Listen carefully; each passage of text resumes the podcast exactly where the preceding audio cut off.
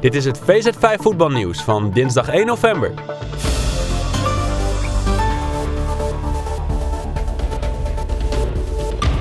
Ajax gaat de koopoptie op Mohamed Iataren niet lichten. Dat meldden de Amsterdammers maandag in een officieel persbericht. De 20-jarige aanvaller Alex aanvallende middenvelder wordt sinds januari 2022 gehuurd van Juventus en had voor 2 miljoen euro definitief overgenomen kunnen worden. Iataren zat al een tijdje niet meer bij de selectie van Ajax vanwege vermoedelijke banden met het criminele circuit. Hij kwam uiteindelijk tot slechts één duel in Ajax 1. Ja, en Ajax-trainer Alfred Schreuder moest nog geen uur na het persbericht al reageren op de exit van Iataren. Schreuder gaf aan dat hij het jammer vindt dat het zo is gelopen, maar dat het een beslissing van de club was en niet die van hemzelf. Ook had Schreuder nieuws over Brian Brobby wat betreft het Champions League duel tegen Rangers van dinsdag. De spits heeft klachten overgehouden aan de wedstrijd tegen Liverpool en is dus nog een twijfelgeval.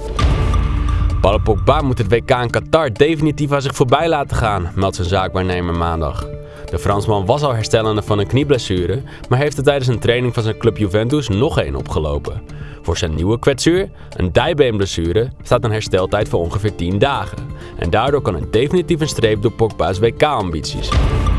Xavi kan voorlopig nog steeds geen beroep doen op Memphis Depay.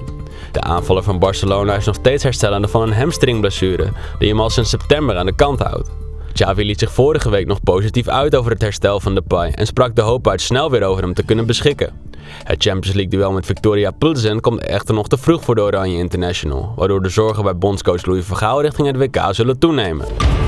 Ja, en David Beckham gaat alles in het werk stellen om Lionel Messi komende zomer in te lijven. De eigenaar van Inter Miami heeft er volgens The Athletic het volste vertrouwen in dat hij de sterspeler van Paris Saint-Germain naar de MLS kan halen.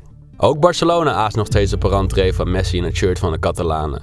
Volgens transfermarktexpert Fabrizio Romano gaat de Argentijn na het WK een knoop doorhakken over zijn toekomst. Dit was het VZ5 nieuws van vandaag. Iedere dag het nieuws horen? Abonneer je dan op deze podcast. Tot morgen!